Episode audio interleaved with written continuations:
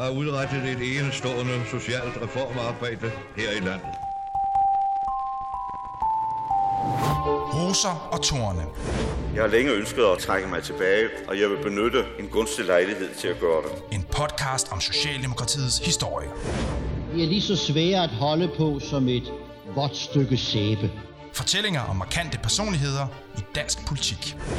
I denne udmærkede lille bog her står der, at de liberalistiske principper er evigt gyldige. Det forstår de ikke længere er. Så hiver vi den side væk. Fortalt af Dan Jørgensen. Nu sidder jeg her i et lille, øh, hyggeligt atelier. Øh, der hænger kunst på væggene, og foran mig sidder Peter Storm. Peter, tak fordi jeg måtte komme. Ja, Det er din kones atelier, vi sidder i. Ja. Der, der, der kunne vi finde lidt ro til at tage den her samtale. ja, Og du er jo oldebarn af Peter Sabro, ja. og interesserer dig for hans liv og bedrifter. Ja. Kan du sige lidt om den interesse? Det er klart, du er interesseret i det, når du er beslægtet med ham, men, men hvordan har den udviklet sig? Ja, altså det er sådan ret sjovt, fordi i min familie øh, var, var, var det ikke noget, vi snakkede meget om. Altså det er jo min mor, der stammer fra Sabros side. Okay, ikke? ja. Ikke? Det, og ikke fordi, øh, at en kvinde ikke kan tale om, Nej, om nej. politik og den slags ting. Men, men, men jeg erindrer ikke, at vi talte så meget om det. En gang jeg så var en lidt større skoledreng og var syg, mm. og jeg brød mig ikke så meget om at gå i skole, så var det sådan lidt rart at være længere tid syg, end man egentlig var, fordi så var man hjemme hos sin mor. Ja. Og hun var meget sød og, og meget sådan dygtig til at finde et Anders Sandblad nede i kiosken, som vi ellers ikke havde i vores litterære hjem. Øh, og hun var også sød til at finde nogle ting til mig. Men en gang øh, nogle bøger, og en gang kom hun øh, med en bog om Peter Sabro, og sagde, den kunne du måske godt læse lidt i. Og, og det er første gang, at, at jeg bliver introduceret til det der, og det skal ikke forstås som, at hun så ligesom vil pådutte mig det på en eller anden måde, men en eller anden følelse må have fået hende til det. Og han var så hendes... Øh, øh, far, øh, hvad hedder det, øh, nu skal vi se. Morfar det, eller ja, farfar? Ja, nu skal vi, altså hendes far, ja, det var hendes farfar. Ja. Ja, sådan var det. Og, øh, og så læser jeg den her bog, og den er jo skrevet af hans søn Svend Sabro, ja. og den er sådan set nem at læse. Og jeg bliver bidt af noget, at jeg læser ikke Hvor gammel er du på det her tidspunkt? Det er svært for mig. Jeg har tænkt ja. over det. Jeg har måske været en 10-12 år. Og jeg ligger der i sengen, og solen skinner ind af vinduerne, og jeg går ikke i skole, og jeg ligger med den her Ja. ja. bog, og der er også nogle billeder i. Og så bliver jeg sådan set optaget af ham. Men det, som optager mig allermest, og som jeg er ikke sikker på, at jeg kan sige nu, uden at øh, bryde lidt i gråd eller skælve, det, det var, øh, da min mor så sagde, nu skal du høre, øh, da hans søn Paul, altså min morfar, øh, fik, fik at vide, at han var død, så foregik det sådan her. Han var 16 år gammel og var i journalistlærer nede på Lolland Falster Venstreblad. Og han skal møde om eftermiddagen, og han kommer hen til denne her lille redaktion i denne her lille provinsby, jeg tror det er Nykøbing Falster, og så ser han i vinduet stor togulykke i Bramming. Det er det første indtryk, og så, så går han bare videre, og så kommer han ind på redaktionen, og så begynder telefonerne at ringe derinde, og så kommer redaktøren til ham og siger, ved du hvad, din far er omkommet. Ej, men det er jo fandme Ikke? forfærdeligt. Det får han sådan lige en, jeg kan godt mærke, hver gang jeg Ja, det taler om det, forstå. så berører det mig. Ikke? Og det er jeg jo ikke ked af øh, på den måde. Nej, ikke? men det er da... men det er lidt sjovt. sig engang. Men, men, men jeg har tit tænkt over, hvorfor er mine følelser så stærke for det der? Det var fordi, jeg holdt meget af min morfar. Ja. Og øh, det at tænke på, At at, denne her en- store dreng for det her at vide, det, det, det, det har gjort et stærkt indtryk på mig. Så det er været- det, det er det første, der ligesom ligger. Det var den bog og det indtryk. Måske vi lige skal fortælle lytterne, det har været den 26. juli 1913. Ja. Fordi der var Peter Sabro, øh, som er temaet for, for dagens podcast. Han var nemlig i gang med en foredragsturné rundt i Jylland, hvor han var, var, var rundt og tale om det, han brændte for. Noget af det, vi skal tale meget mere om øh, i dag, nemlig specielt børnenes tag.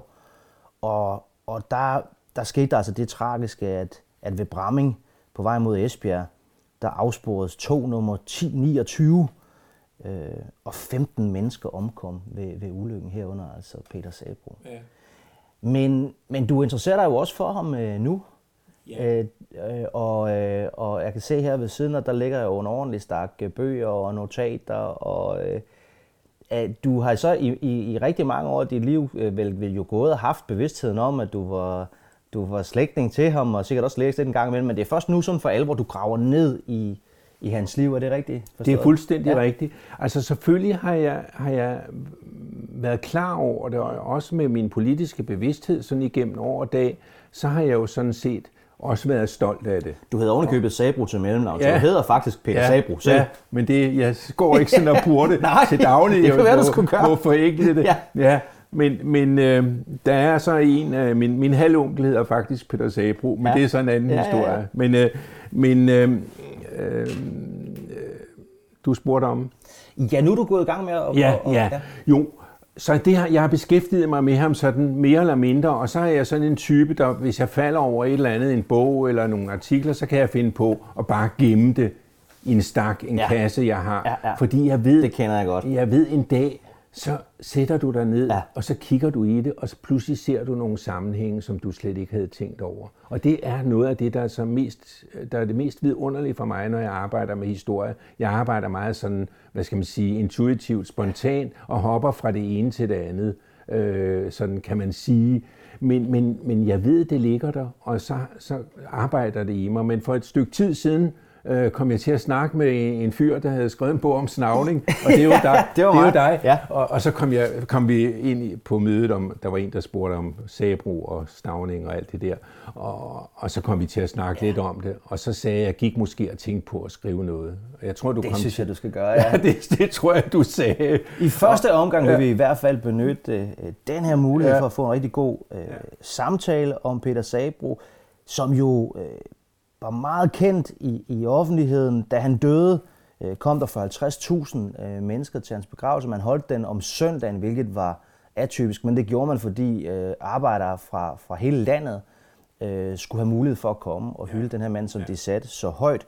Det vi skal snakke om i dag, det er øh, de mærkesager, han har. Han, han, han gik forrest, når det handlede om specielt de fattige tag, specielt børnene, han var imod, øh, at man kunne pryle børn. Han var imod den måde, han, han, han så, at børn blev behandlet på, øh, på børnehjem og ja, i, i skolevæsenet. Alt det her skal vi, skal vi nærmere ind på.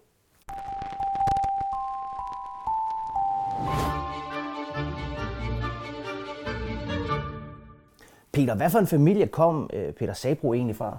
Ja, det, det, det er også meget interessant, når, når jeg sådan sidder og dykker ned i det nu og prøver at rekonstruere det. Øh, han, han er født øh, ved øh, noget, der hedder, øh, på en gård, der hedder Sølund, op ved Gødvad ved Silkeborg. Mm. Altså, det er jo et landlige forhold. Ja. Og, og jeg kan ikke helt finde ud af, hvad hans far lavede, men han står som forpagter, mm. så han har drevet en gård, men han står samtidig også som øh, en, der handlede en kommissær øh, og nogen har kaldt ham en hestehandler. Okay. Øh, så det er muligt, at ja. det er det. Men der sker det for den familie der, og der er Fætter Sabro født, men jeg tror, han er omkring 6 år gammel. Der er det altså gået ned ad bakke for familien, og de må, de må flytte til Aarhus. Så det vil sige, at han fra landlige forhold, så kommer han ind i en, en forholdsvis stor provinsby mm. og lærer, lærer det miljø at kende. Han er fra 1867. Han er fra 1867, ja. ja. Så det synes jeg er, er rigtig interessant at se, og så hopper jeg lige lidt, og jeg skal nok komme tilbage ja, ja. til tråden, ja. så hopper jeg lige lidt, fordi derfra så kommer der det der ret fantastiske, at han lige efter sin konfirmation, så enten vil han selv til København, eller også siger faren, du skal til København, og i, i tøffel med at lære. Der er nogen, der siger sko med at lære, men ja. jeg har fundet ud af, at han lavede tøfler, men det kan jo være gå ud på et, det er jo, noget jo, til fødderne. Jo, jo. Men alligevel og, tøffel med Ja, tøffel med at Og det ville han ikke, for han ville ikke være under tøflen, som han sagde. så han gik til andre veje ja. uh, der. Men det, der er interessant, synes jeg, den familie der, det, det er jo, at, at, at han har den der bevægelse fra det landlige over ja. provinsbyen til København, ind i nogle vilde år i 80'erne, hvor der sker en masse politisk, ja. og tilbage til Aarhus og hjem igen, og der er det så. Men familien, som du siger, det var jo ikke bare faren, selvom øh, fædre og mænd fyldte meget i ja, historiens øh, tider dengang, så var hans mor jo, hun var jo sådan set en fornem øh, dame, fordi hun var jo øh, direktørdatter fra Silkeborg, Øh, hun var, hendes far var en ældre herre, som ja. havde været med til at starte Silkeborg Bank, og han var købmand og så videre. Og det, der er så fantastisk også, at man bliver jo fuldstændig vild, når man sådan kommer ind i det. Fordi, hvorfor møder de to hinanden? Det gør de, fordi de har en formidler, der hedder Emil Marot, som er som jo er journalist på Demokraten sammen med den gamle Harald Jensen. Ja. Og, øh, Kong han Harald, som han blev kaldt. Ja, og han inviterer øh, Sabro til at komme ned og besøge øh, ham og hans kone nede i Silkeborg. Han er nemlig blevet gift med en gæstgiverdatter, som er nabo til bankdirektøren. Okay. Og så da Peter Sabro kommer, øh, så kom, får øh, Tyra, som hun hedder Tyra Møller, som er hans kommende kone der, hun, øh, hun øh, bliver inviteret ind i stuen, og da de to, nu kan det godt være, at jeg fantaserer for meget, ja, ja. men da de to ser hinanden, og der står en, en, en, en, øh, en kvinde, som er gift med en socialist, og hun er fra det bedre borgerskab, de er gift, og så står der en ny øh, kvinde fra det bedre borgerskab, og så står der en ny socialist. Og de bliver altså forlovet øh, hemmeligt. Og, og, og hun begynder at finde på undskyldninger, så når Sabro kommer til Silkeborg og omegn, så skal hun ned og sidde og høre på ham. Ja. Og øh, han får, som de siger inde på redaktionen i Aarhus, så han får meget travlt med at have mange møder nede i det område der. Så, så de bliver altså hemmeligt forlovet, og, og de ved godt, at det vil den gamle bankdirektør ikke have. Det vil han nok ikke synes godt. Så Peter Sabro, han ved nok, hvor den skal skæres, så han forærer hende en forlovelsesring, og en dag tager hun mod til sig og tager den på og sidder og flager med den inde ved middagsbordet. Okay. Og den gamle kommenterer det ikke. Og så slår Peter Sabro til i næste omgang, og så opsøger han bankdirektøren og siger, at han vil gerne, jeg ved ikke, om han siger, at han vil anholde om hendes hånd, eller, hånd, eller om man bare fortæller ham, nu skal du høre, det er også to, der skal være øh, sammen fra nu af, så det kan du bare indordne det under. De får en stor snak der, og det ender med, at bankdirektøren må bøje sig. Og en af Sabros argumenter, det er, fordi øh, øh, Sabro siger, at, at øh, han må jo arbejde for denne her sag, og så siger han, det var ligesom dengang, vi skulle have, I skulle have en kirke her i Silkeborg. Ja. Der måtte du jo også på egen hånd tage sagen i din egen hånd og sørge for, at den kom til at ligge dernede og skabe en plads til ja. den nede i byen. Det var noget, du gjorde. Og det blev han lidt imponeret over, den det gamle. Han, han, blev fri, han, han var ja, ja. god til lige at klappe den ham på skulderen, men også at fortælle ham om denne her, hvad skal man sige, vi kan ikke sige egoistiske, men i hvert fald, hvad skal man sige, selvstændige initiativrigdom. Ikke? Men, men der, må man, der må man vel sige, skal man, skal man finde sådan et, et uh, karakteristikum ved, ved, ved Peter Sabro, som går igen i alt, hvad han foretog sig. Og altså også kan jeg forstå, da han skulle, da han skulle uh, have fat i en, en, en hustru, så er det jo, at han var entusiastisk, og han overtalte folk. Han ja. fik folk med sig. Ja. Når ja. han holdt taler rundt omkring i, i byerne i, i Danmark, øh, jamen, så kom der meget, meget store folkeskar for det at høre ham. Ja. Allerførste gang, at befolkningen, offentligheden sådan øh, støder på ham, øh, han er jo begyndt at skrive lidt i Demokraten, der hvor han er ansat som journalist, men, men første gang han sådan virkelig laver rav i den, kan man sige, det var faktisk til en begravelse i Aarhus, hvor øh, en ung mand øh, var død, øh, en ung soldat, og øh, da de står der ved graven, der er der altså en, en, en ung, energisk mand, der, der simpelthen hopper op på graven og råber, soldater, glem ikke de bødler, der pinte den døde. Og det han mener med det, det er, at øh, han, har, han har fået fat i årsagen til, til døden, og det er derfor, han er der. Øh, det, der er sket, det er, at, at den unge øh, den unge soldat, som det handlede om, en, en, en mand, der hedder Anton Jensen, han, var, han, havde, han havde på en eller anden måde øh, gjort sig utilbens ved en løjtnant, øh, som så havde tvunget ham op på en hest, en usædlet hest, og så havde han altså pisket den her hest på en måde, så den til sidst smed den her unge dragon af, som så døde. Ja. Og, og for, for Sabro var det jo et symbol, det var selvfølgelig en konkret sag, men det var også et symbol på, hvordan at, øh, at unge soldater, altså det var jo arbejderdrengen, for nu at sige det lige ud, øh, eller, eller landarbejderdrengen, som blev, som blev mishandlet. Øh, hvordan de var underlagt de, de riges øh, knægte, som jo kom ind og blev officerer, arbejderdrengene blev soldater, de rige knægte blev officerer. Så det var sådan den første kamp, han, han tog, og det blev også beskrevet øh, vidt og bredt i, i medierne. Men kan du sige en lille smule mere om hans, hans væv der som, som journalist? Fordi han blev jo nærmest berømt som journalist, før han, han blev valgt i Folketinget. Ja, altså øh, det der med at øh, tage ordet i forsamlinger, det der med at træde frem, det der med at gå foran, det der med at tale de små sag, det var faktisk noget, øh, man så i hans skoletid i Aarhus. Okay.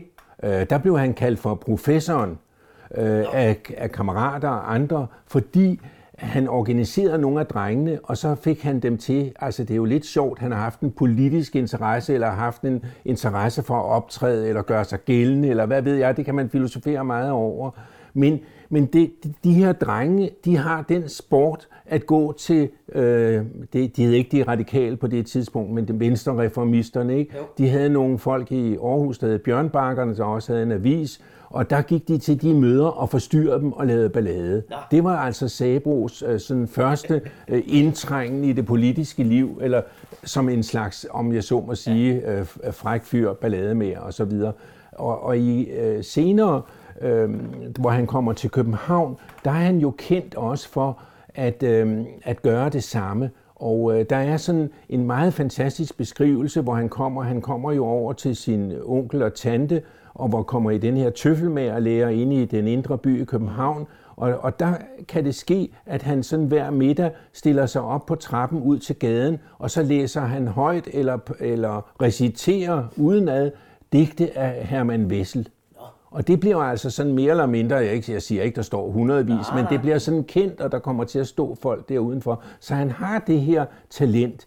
Og så går han sådan videre, og så begynder han at gå til politiske møder i København. Man var jo imod Estrup og provisorietiden, ja. og Venstre og Socialdemokraterne, de fandt jo sådan sammen i sådan en parlamentarisk bevægelse. Ja. Og der går han til de møder, øh, og så beder han om ordet, og en gang så beder han en af spidserne, der hedder Herman Bing, om ordet, og så siger, så siger så siger Herman Bing til ham, ved du hvad, det, det, det, sig til mig, hvad, hvad du vil fortælle, så skal jeg nok bringe det frem.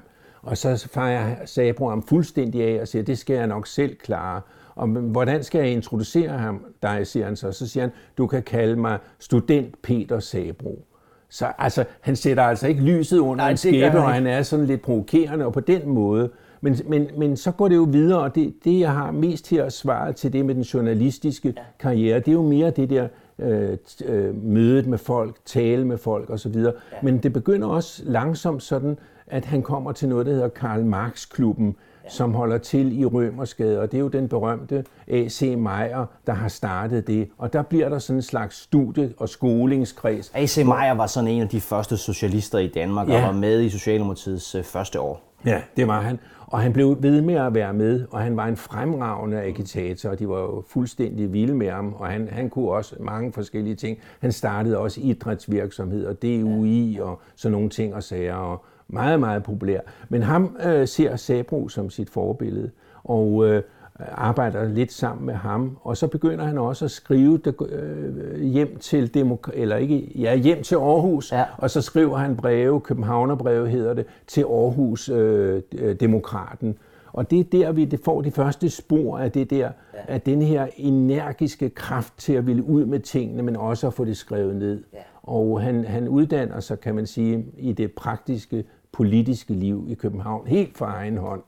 Og, og så begynder han at skrive. Og hvad der får ham til efter en, øh, det, i 1887 øh, er det, der han vel, der er han 20 år gammel, der finder han ud af at tage tilbage til Aarhus, og så kommer han i kontakt med kong Harald, som du sagde ja. før, øh, Harald Jensen på Demokraten, og der har Marot også. Og de får ham gelejtet ud til Randers, ikke fordi jeg tror, de er træ, ikke vil ham til at bolde sig, men der skal starte en ny avis der, en aflægger af Demokraten i Randers. Og der kommer han ud, og der er han et års tid. Der er noget og det, med historien går, at øh, der var ikke råd til togbilletten, så han måtte, øh, han måtte spacere derop. Ja, altså, det var apostlens hest, han ja, måtte simpelthen ja. gå derop. Ja, ja. Men det var fint nok, det... fordi så kunne han holde et par politiske møder på vejen, som ja, man sagde. Ja, ja. Og der er han så, og så kommer han ind øh, på redaktionen i Demokraten, ja. og der er det de op, altså der er det jo man opdager, at han har det her fantastiske talent til at finde en sag, ja. puste den op, øh, få den bredt ud og, og også være agitator på samme tid. Det var jo meget politisk journalistik, holdningspræget journalistik. I dag tror jeg, man vil kalde det kampagnejournalistik, og det skal vi høre et øh, lille eksempel på lige om lidt.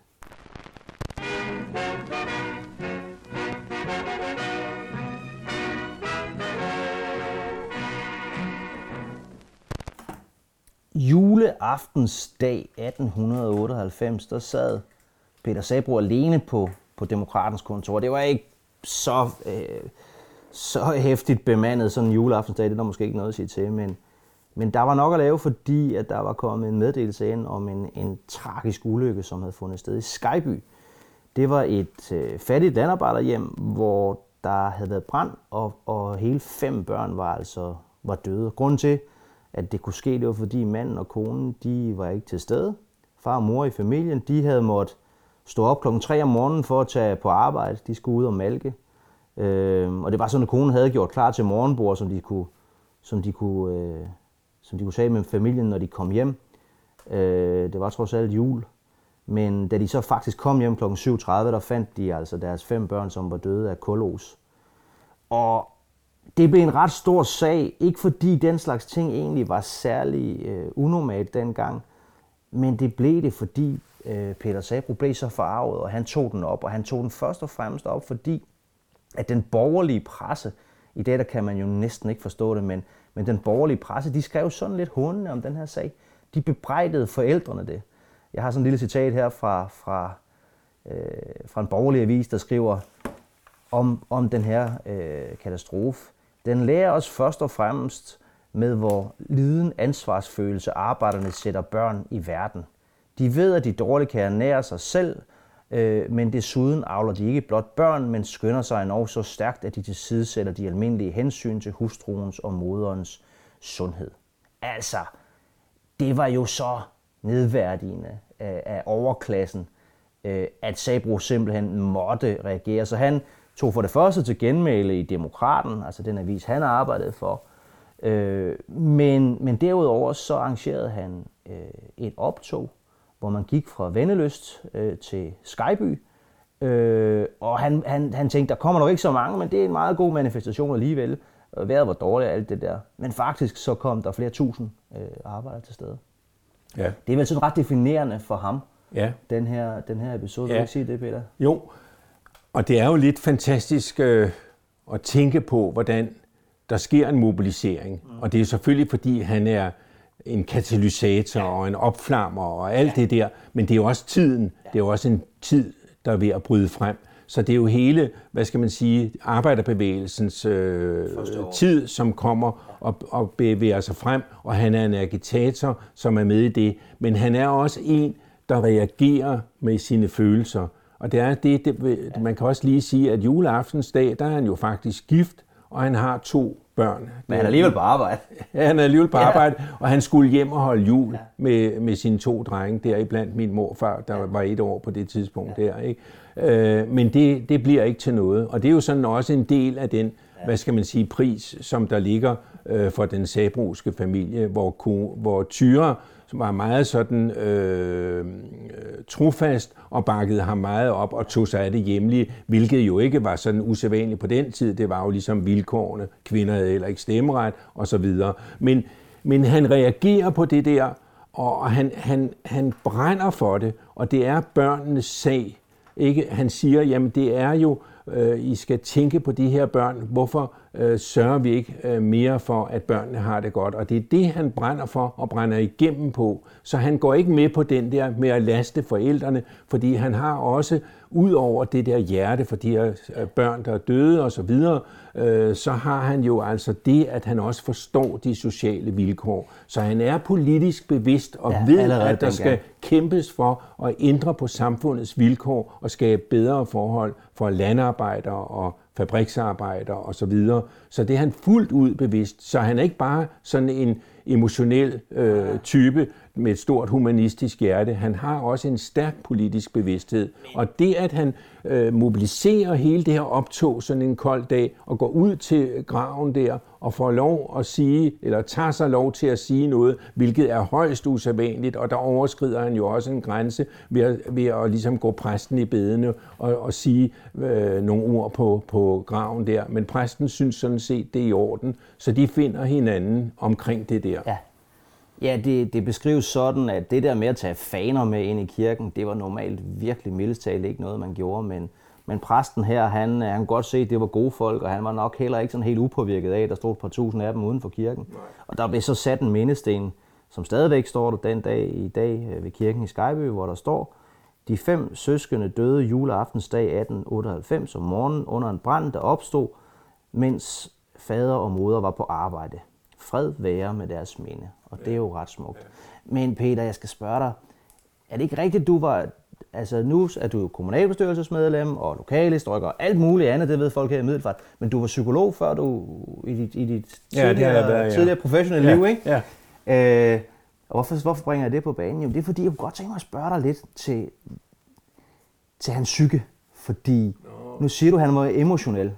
Jeg må sige, altså, lige, Ja, ja. lige, lige, jeg vil starte med at sige, jeg, jeg er jo helt vild med ham. Jeg elsker ham jo. Han er jo fantastisk, de ting, han gjorde. Jo, jo. Øh, det tror jeg, alle lyttere, når de er færdige med den her udsendelse, vil synes. Men hvis man skal være en lille smule kritisk, eller jeg ved ikke, om det er kritisk, men i hvert fald, hvis man skal forholde sig lidt nuanceret til ham, han virker også meget i sin følelsesvold.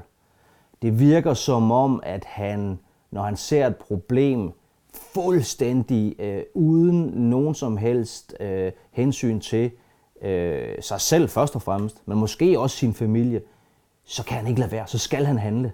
Altså han, han, det skal vi snakke lidt mere om senere, men han, altså han, han kidnapper jo deciderede børn, hvis han synes, de har det dårligt der, hvor de er. Det er jo en lidt, det er jo en lidt voldsom ting sådan set at gøre. Men Ja. hvad, hvad, hvordan var han? Hvad, hvad, hvad tænker du om det?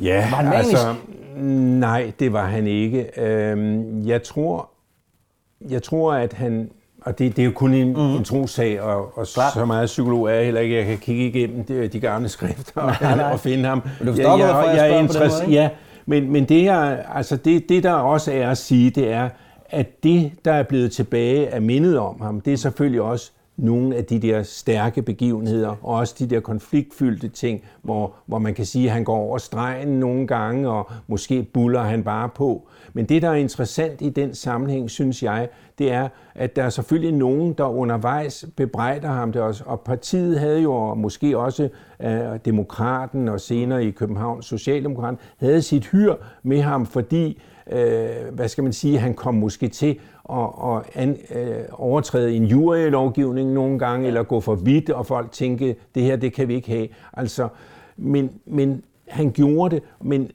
men han gjorde det altså også ud fra en idé, som jeg var lidt inde på før, at han havde også en politisk idé med det. Og når man sidder og læser for eksempel en længere folketingstale, ja, op til fire timer er der en, der er på, ja. og man også ser, at han holdt en tale i Venneløs, som er stenograferet fra, jeg tror det er fra 1898, øh, der kan man se, at, at han kommer ind på mange, mange politiske emner, og faktisk har styr på det. Så det, jeg vil sige, det er, at nok er han et følelsesmenneske, men han har også en idé med det, han vil. Og det falder også i tråd med, hvad Socialdemokratiet kæmper for på, i de her år. Og øh, det, som der jo også kom, jeg tror måske, at det, der sker, det er, at han, hvad skal man sige, at han får en, et spillerum øh, rundt omkring øh, til at træde frem, fordi der er måske ikke så mange mennesker, som har den evne. Og hvad- hvordan skal, hvis vi nu også er lidt frække og siger, at folket vil også underholdes, øh, så, så får han de her opgaver, og han tager sig de her opgaver, og efterhånden bliver han dygtigere og dygtigere som agitator, og han ved, at han kan få folk øh, talt op og, og talt til, og han gør det ud af et oprigtigt hjerte. Vi skal måske lige sige til, til lytterne her, at øh, hans politiske karriere, den startede, da han blev valgt i Aarhus Byråd, og det gjorde han som 33-årig i år 1900. Allerede året efter, øh, altså 1901, jo det år, som parlamentarismen faktisk indføres i Danmark, der blev han så valgt i Folketinget. Og når jeg spørger ind til det her med også øh, hans, øh, hans sådan følelsesliv og, og hvor spontan han var, om han måske lige frem var manisk, så, så er det jo fordi, han gjorde nogle ting, Og jeg synes, det er godt, du får dem sat også sådan i, i, i politisk perspektiv, Peter. Men han gjorde nogle ting, som hvis, han, hvis man gjorde dem i dag, så vil man jo tage sig lidt til hovedet. Ikke? Men det var også en anden tid. Altså, han, han, øh, han kidnappede øh, øh flere børn. Det lyder så voldsomt, når man siger det. Det var sådan set også voldsomt, men han gjorde det jo et godt hjerte. Han gjorde det, øh, hvis han så, at de blev mishandlet. Der er en berømt historie om en bæremester, som simpelthen tævede sin, sin lille pige hver dag. Og der bortførte øh, Peter Sabro hende simpelthen fra, fra skolen. Øh, og, øh, og det bliver en sag, som bliver meldt til politiet. Øh, og til det, der siger øh, Sabro så, hvad er det så egentlig, jeg har gjort? Røvet et barn, det er det hele. Det har jeg gjort så ofte. Tag det fotografi, der står på klaveret der. Den dreng har jeg røvet. Det var i Aarhus. Jeg tog ham for næsen af forældrene. Der var gadeopløb og spektakel. Men politiet var fornuftigt, og jeg beholdt drengen. Han er nu malersvend og rejser i Tyskland. Altså, det var helt normalt for ham, at hvis der var nogen, der blev behandlet uretfærdigt, så tog han øh, affære. Ja. Det, der skal også noget mod til. Der skal noget mod til, men jeg ved ikke, om man skal sige, der skal mandshjerte. Ja, det, det lyder også sådan. Jo, så, jo. så Nå, men det er da- modigt, jo. men der skal vi så bare nøjes med at sige, der skal et hjerte til. Ikke? Så, Det skal der i hvert fald. Så, så, det, så det drejer det sig om. Men jeg tror måske også, altså, at han får, hvad skal man sige, han får opbygget et et image, om jeg så må sige, hvor, hvor det ligesom går op i en højere enhed, det her med at, at være kampagnejournalist eller eller agitator og øh, holde møder, og partiet bruger ham jo også. Han rejser jo land og rige rundt og holder det ene store møde efter det andet. Ikke? Og den her sag med bæredatteren i København, den ender øh, også i højeste ret, og der bliver et kæmpe møde i noget, der hedder Lørups øh, Ridehus, som er et stort forsamlingssted øh, oppe i nærheden af, af Nørrevold, tror jeg det er.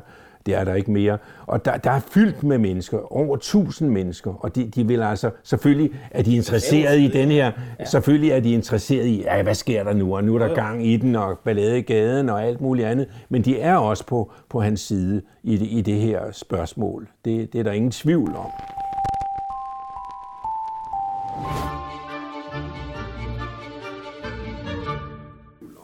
Nu, nu sagde du øh, tidligere, at han holdt en tale på op til fire timer. Det er rigtigt. Øh, altså, han var kendt for at tale meget langt og meget sådan... Øh, øh, der, var, der var gang i den, når han havde ordet. Altså, der var følelser øh, og patos. Men, men lige præcis det her tilfælde, du taler om, tror jeg, er, er, er det tilfælde, hvor øh, det er lige op til en, en pause i Folketingets arbejde. Jeg tror, det er... Jeg, tror, jeg kan ikke huske, om det er vinterpausen eller sommerpausen, men øh, han trækker simpelthen tiden. Det er det, der i amerikansk politik hedder en filibuster. Altså, han snakker så lang tid, at man ikke kan nå at behandle det næste forslag. Og det næste forslag, det er nemlig Alberti, ja. ham der senere kom så grueligt galt afsted, men justitsministeren, ja. øh, lovforslag omkring, øh, øh, hvordan man korporligt øh, måtte afstraffe øh, børn. Ja. Øh, det var jo netop en af de sager, som han gik utrolig meget op i. Øh, kan du sige lidt om det? Ja, altså, øh, det var han imod, og det, det, når man sådan ser på det i dag, så, så kan man sige, jamen det er vi andre jo også, men vi ved jo også, hvor lang tid det har taget at afskaffe, hvad skal man Ja, sige, ja. forældrenes øh, revselsesret, og der er jo stadigvæk nogen, Det der var jo siger, Frank Jensen, der afskaffede den som minister. Han er jo øh, stadigvæk aktiv politiker, ja. så så lang tid siden er det jo altså ikke. Og lige for tiden kan man vist høre nogle øh, fra Dansk Folkeparti, der mener, at det er helt okay at stikke ungerne en lussing i, der, i opdragelsesøje med. Ikke? Og sådan, så, så, så han har været enormt langt fremme på det der område. Jeg, jeg ved ikke, jeg gætter lidt på, at det er også fordi, ligesom jeg sagde før, at han meget tidligt i skolen, der træder han frem som en, en hvad skal man sige, lederskikkelse blandt drengene og, så videre. Men, men, men han vil heller ikke personligt lade sig byde noget. Øh, men, han, men det er jo ikke bare sådan, fordi jeg ikke vil, så skal de andre heller ikke. Det, det ligger så dybt ja. i ham, det der. Og det er meget skægt, fordi øh, lige før Folketinget, jeg tror også, det var sommer, øh, de skulle på, øh, der ville Alberti have vedtaget den her brylelov, sådan kan vi ja. sige, sådan en rigtig højreorienteret mærkesag, ikke? Og øh, øh, det ville Socialdemokraterne ikke, og Sabro var ordfører, så han blev sat til at tale og tale ja. og tale, så tiden gik, og så skulle Folketinget på sommerferie. Og så blev den forkastet, eller hvad skal man sige, ikke vedtaget, den blev sendt i udvalg, eller hvad ved jeg, men den blev senere vedtaget. Men det voldte ham jo også store vanskeligheder i partiet. Der er sådan en sjov, øh, hvad skal man sige, historie, eller ikke sjovt, men altså, det er sådan, at, at øh, han vil jo også gerne have afskaffet øh, øh, pryl i skolen og afskaffet spanskrøret og så videre. Og der får han ballade med skolelærerne i København, og mange af dem er socialdemokrater, og de siger, jamen det har vi brug for, ja. fordi vi skal jo opdrage på børnene, ikke? Og ja, hvad skal vi ellers gøre? Og der kommer han, der, der har vi sådan en, en rigtig slem konflikt med Sabro som socialdemokrat, og så nogle socialdemokratisk mere eller mindre organiserede lærere, som ikke vil have det. Men, men den konflikt, den kører. Men der er sådan en sjov lille ting, det er, at der er nogle skolelærer oppe i Horsens, de finder ud af, at der skulle der noget om det her, øh, vi må da lige tale, så de tager sådan i, på, på lærerværelset, så tager de nogle spanskrør, og så giver de hinanden smæk i mosen der, og ja. prøver på egen krop, hvordan det her spanskrør er, og så skriver de til Sabo, at han har fuldstændig ret. Så, så det er altså noget, der kører omkring på denne her tid, øh, og han er meget aktiv i det, men han er ikke bange for at tage en konfrontation med sine egne. Altså på et tidspunkt går han så vidt, at han tager, en, øh, tager simpelthen en knægt med ind i Folketinget og viser kollegaerne hans, øh, hans blå, blå mærker, mærker, fordi ja. han har fået ja, så mange til. Ja, ja. Men altså, jeg sidder her med et stykke papir foran mig, hvor, hvor strafferegulativet af 1906 vedrørende opdragelseshjem er beskrevet og fra Justitsministeriet. Ikke? Og der har man altså ret til at tildele børnene indtil 25 slag med spansk rør. Det, det blev så senere ændret lidt, så i 1937, der var det så kun indtil seks slag. Men altså tænk sig engang, man havde simpelthen regulativer for, hvordan man måtte afstraffe øh, børnene med spansk rør. Det er altså ikke bare lige en ørefin, vel? Øh, I det hele taget det der med at chokere sine sin, øh, kollegaer inde på, øh, ja, nu skulle til at sige Christiansborg, det var det jo ikke, for på det her tidspunkt, der var Christiansborg jo brændt ned, så man, man havde nogle andre lokale i Fredericia-gade, Øh, men det der med at, at, at, øh, at chokere sin kollega, det brugte han meget. Han tog også på et tidspunkt øh, sådan en, en, en, en, en, en stor øh, kasse med øh, fedtegræver med ind. Øh, og hvad er fedtegræver? Ja, det er, altså jeg har slået det op her, øh, og der, der står øh, definitionen øh, i, i ordbogen er, de brunede bindevævsrester, som bliver tilbage ved afsmeltning af animalsk fedt. Altså det var noget, man brugte til at fodre hunden med, for at sige det lige ud. Men der var kommet eksempler frem på, at øh, nogle steder var det altså det, børnene fik på børnehjem øh, til aftensmad. Og derfor tog han sådan øh, 9 kilo med ind i en stor kasse og sat på, sat på sin plads ind i Folketinget. Og da kollegaerne så klager over stanken, så siger han, okay, hvad, hvad, hvad siger det jeg så? Det er det, vi, vi giver vores børn. Her kollega, siger han til, til en af sine kollegaer, hvis de og deres hustru døde, vil de så ikke have, at deres børn skulle have noget bedre føde end, end, end det her.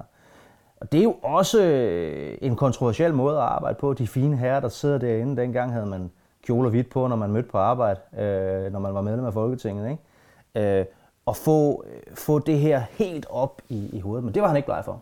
Nej der, der var det med de der, altså, øh, der, var, øh, der var jo en stor øh, frygtelig sag. Øh, vi havde Skyby-sagen, men der kom senere en sag i Tvis, hvor en øh, mor øh, havde kvalt fem børn.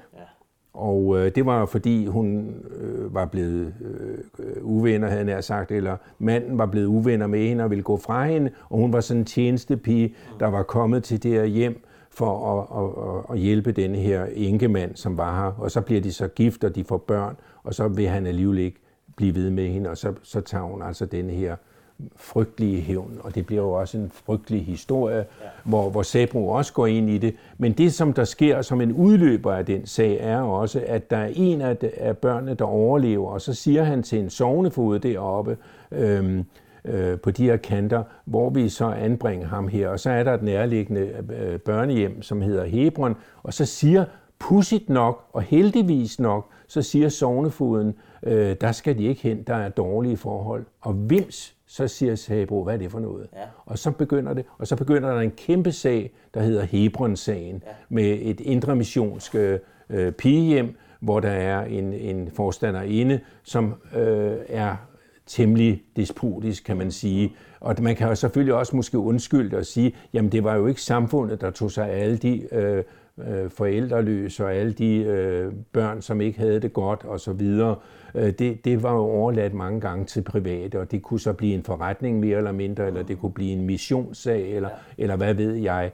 Men Sabro bor sig ned i den her sag og begynder at få eksempler frem fra folk, der har været, piger, der har været på det her hjem, og begynder at sætte justitsminister Alberti i gang, og der bliver faktisk nedsat en stor kommission, hvor man undersøger det. Og der kommer det også frem, at de bliver om jeg så må sige, man kan jo næsten ikke tillade sig at sige, affodret med, med de her fedtegræver. Og det er dem, han tager med ind i Folketinget. Det var det hele taget meget karakteristisk for ham, hvis vi sådan springer lidt i det, at han var jo, han var jo nok, hvad skal man sige, en, han var en fantastisk folketaler og en fantastisk medrivende folketaler.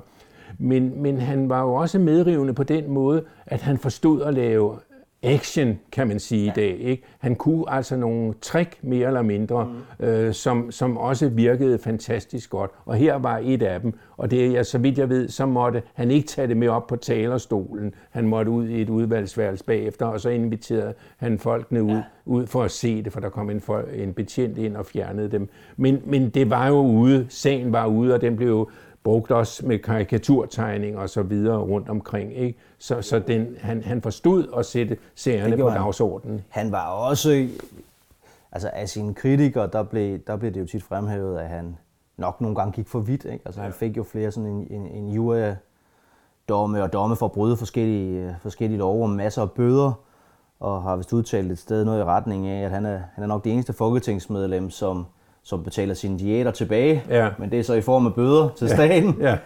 Ja. Øhm, og, og skal man være kritisk, kan man sige, han, han, han, han lagde ikke engang skjul på, at han nogle gange gik lidt for vidt, fordi han, han, han sagde på et tidspunkt til sin, til sin søn, var det vist Svend, øh, at øh, når man er journalist, så er det lidt ligesom, hvis man skyder til måls.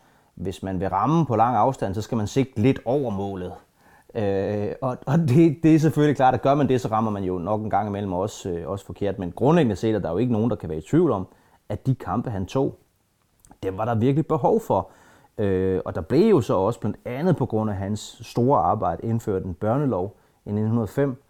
Øh, og det handlede jo simpelthen om at, at sikre, at, at, at de børn, som staten ligesom øh, tog sig af først og fremmest, at de fik bedre forhold, men, men jo altså langt fra nok i forhold til, hvad, hvad Sabro egentlig kæmpede for. Vi har faktisk en lille optagelse af Sabro, der taler. Det er vist den eneste, der findes. Den er indspillet på, på en lakplade. Jeg har fundet den på, ja. på det der World Wide Web. Ja, ja. det skal vi lige høre her. Ja. Jeg kommer i din moders navn og beder dig huske de bekymringer, som ikke nogen hende have fred nogen dag i år. Angsten for at også hun engang skulle komme blandt de mærkede understøttede, fik hende til at skide over evne. Men alderdommen så man hen med frygt, fattigården eller en karrig tilmål hjælp var det, der ventede. Og fattedes håb blandt de små. Forud var trældom. Og ville det nogensinde blive anderledes, der dagede det. Men med ubrydelig troskab mod friheden sag dannede de første foreninger. Arbejderne fik mæle gennem deres egen presse og håbet til mægtige blev tvungne til at lytte til de tusinders krav, og lovgivningen til beskyttelse af de små på fart.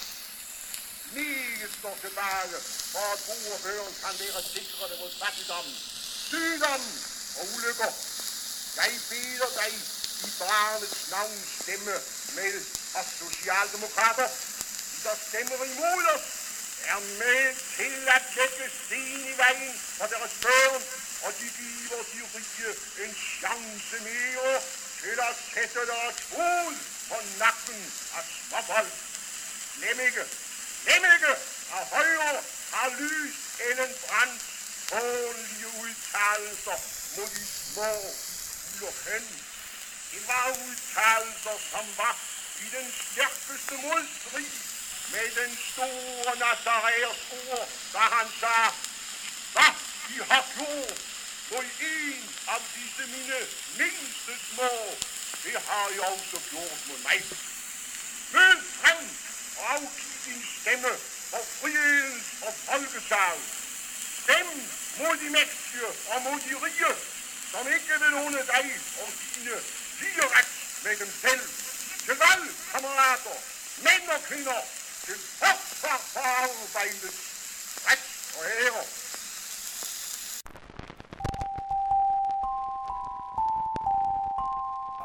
Peter, har du hørt det her før?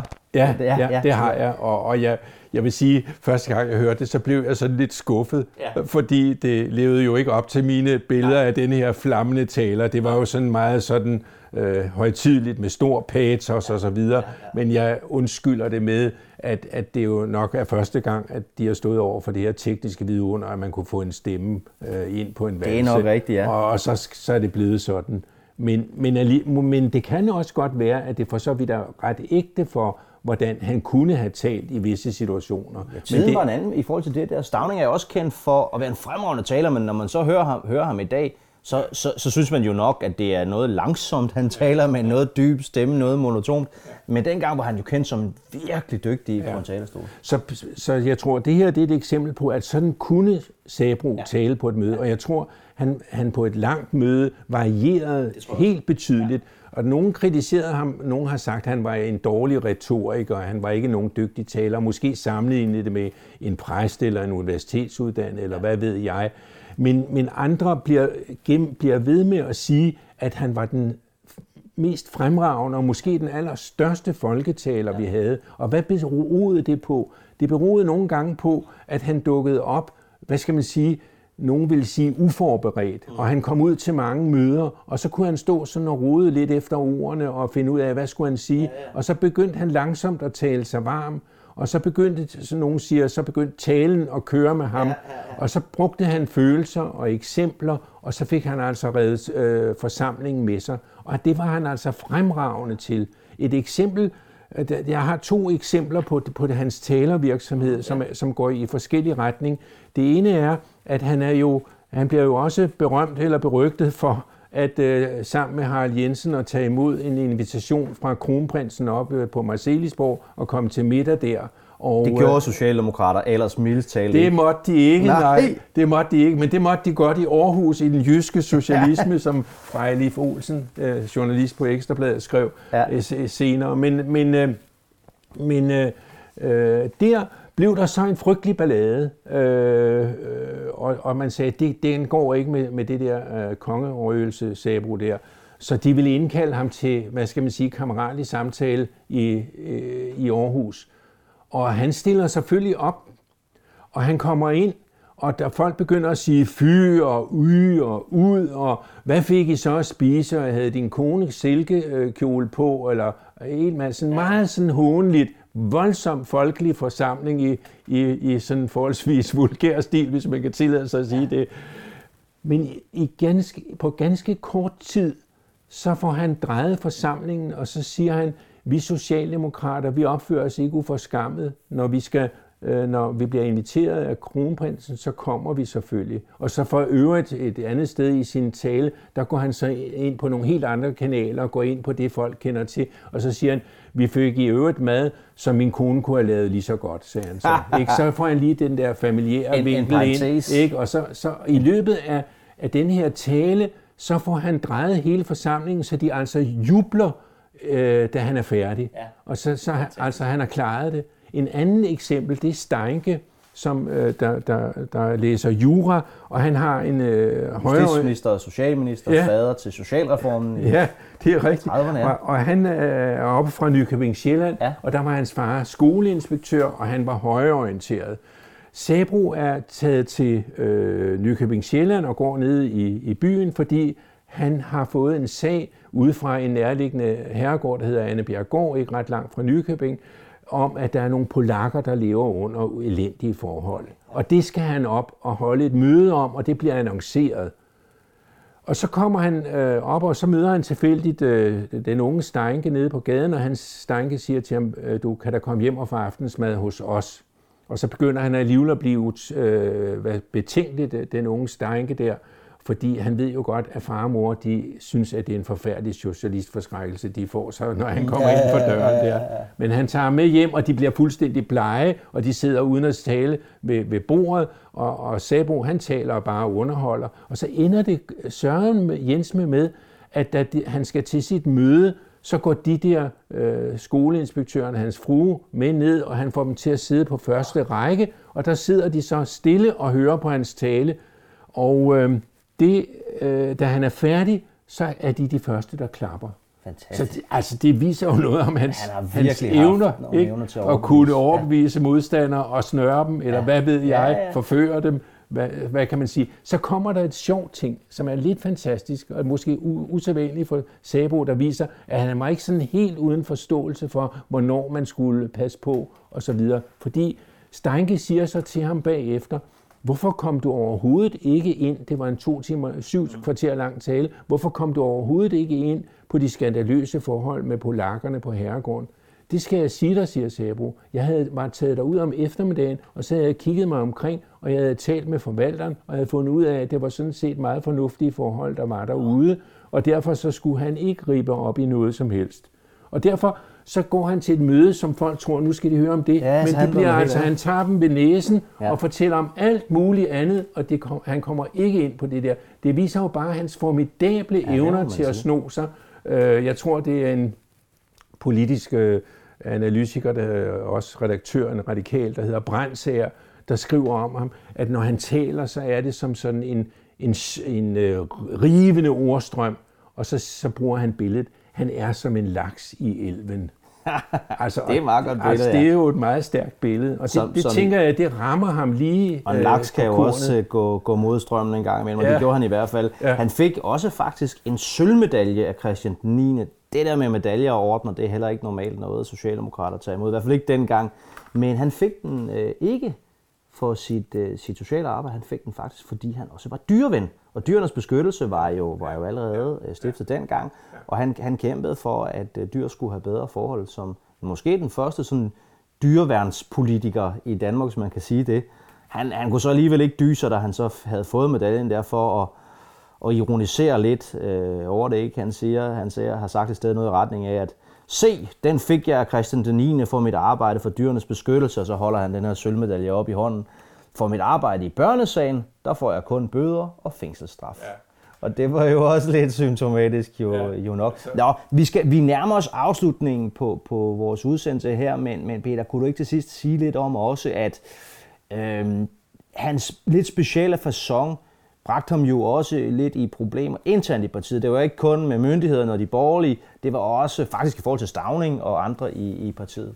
Ja, altså når vi sådan begynder at nærme os øh, hans, de, de sidste par år, som ingen jo vidste skulle være de sidste par år. nej, Man har sikkert nej. set ham jo ude ja. i fremtiden som en vigtig person. Det er korrekt. Øh, så, så har der jo altså dels været de ting, vi har været inde på, at han nogle gange, hvad skal man sige, øh, stjal billedet og måske også ødelagde billedet lidt for de strategiske socialdemokrater og partiledelsen ja. og sådan nogle ting og sager. De kunne have nogle diskussioner. For eksempel, øh, altså han holdt sig heller ikke tilbage, hvis han, øh, da, øh, hvis han kom forbi et værtshus, og der stod en kone og, og jamrede, fordi manden sidder dernede i druk, så kunne han finde på at gå derned og skille ned i værtshuset, det var ofte i kælderen, og skille ud.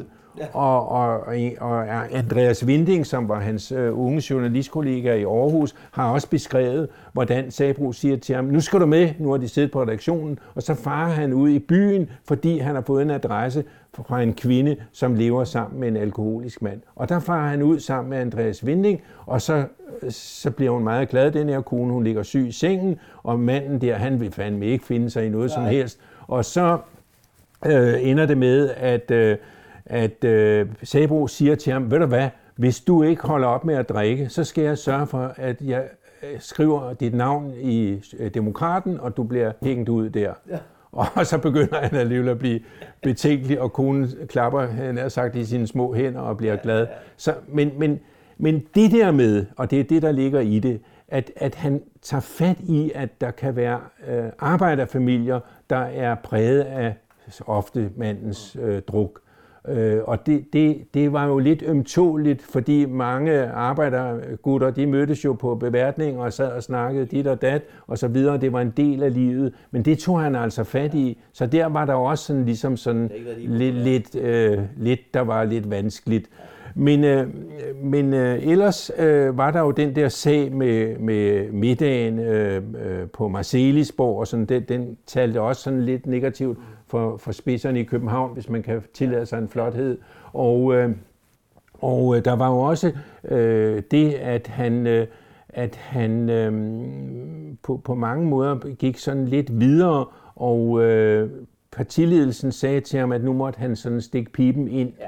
Og det kom faktisk op på en kongres, at øh, for, det han havde gjort, som var lidt forkert, det var, jo, det der, ja, der kommer jeg lige til at, at, at uddybe, fordi der havde været en sag, hvor han var blevet meget fornærmet. Ja. Det var øh, Jeres Pris børnehjem, øh, hvor øh, Stavning og nogle andre fra partiledelsen tog op for ligesom at sige, det ser vist okay ud det her. Og Stabro var smadret øh, frustreret over og, ja. og skide sur over, at han ikke var inviteret med. Og øh, det bliver han sådan meget øh, pikeret over, og, og det er en af de ting, der får det hele til sådan at, at klø op.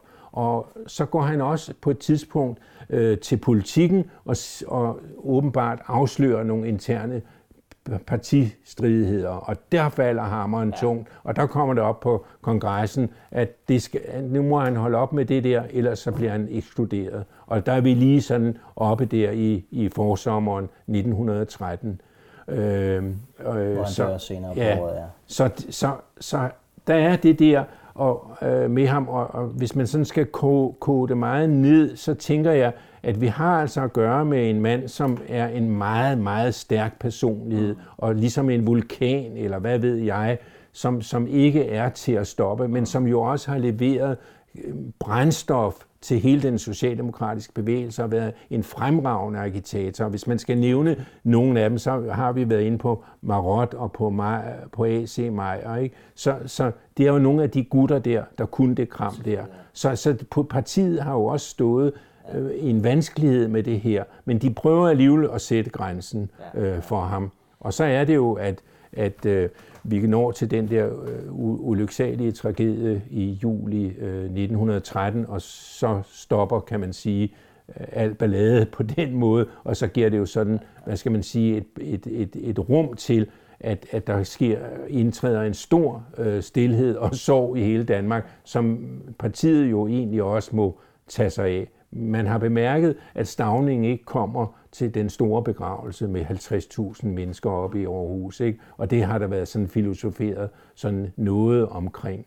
Men i vurderingerne efterpå, jeg kan se, at Anker Jørgensen har også i 83 været inde og, og prøve i forbindelse med en udstilling om Sabro, øh, der var øh, på Ordrup Gård, nej, det var ikke Ordrup Gård, det var et andet sted, og øh, øh, øh fortælle om, om den konflikt der, hvor han sådan meget sådan afbalanceret skriver noget om konflikten imellem partiets strategi og nødvendigheden af, at man ikke går ud og lufter sit vasketøj osv., men er selvfølgelig også at sige, jamen han var alligevel en en, der gjorde et stort stykke arbejde.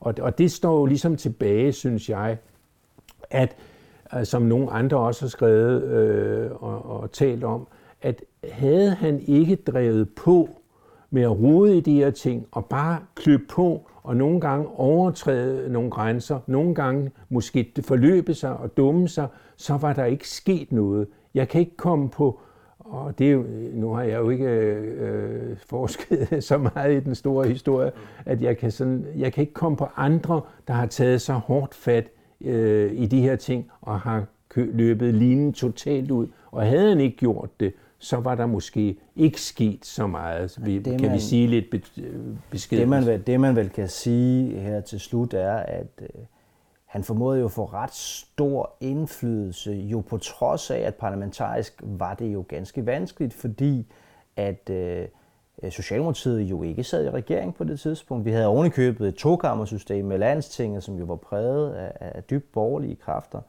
Øh, og, og man kan jo kun gisne om, desværre, hvor mange gode ting han kunne have lavet, hvis han havde levet. Øh, I 1924, da vi går, Socialdemokratiet går i regering første gang, og, og han jo meget vel kunne være blevet en af, af ministerne i Stavnings første regering. Et, så, så vidt kom det jo desværre ikke, fordi han døde ved den her forfærdelige ulykke. Øh, Jeppe Aukjær, måske datidens største danske digter, og i hvert fald i arbejderkredse og i Socialdemokratiet, den mest afholdte. Han har faktisk skrevet et helt digt tilegnet til, til Peter Sabro, der slutter sådan her. Du værer den fattiges værner, du værer den riges ris. Der får du ej ordner og stjerner, men bævende læbers pris. Det er jo smukt. Tak fordi vi måtte komme og snakke med dig her, Peter.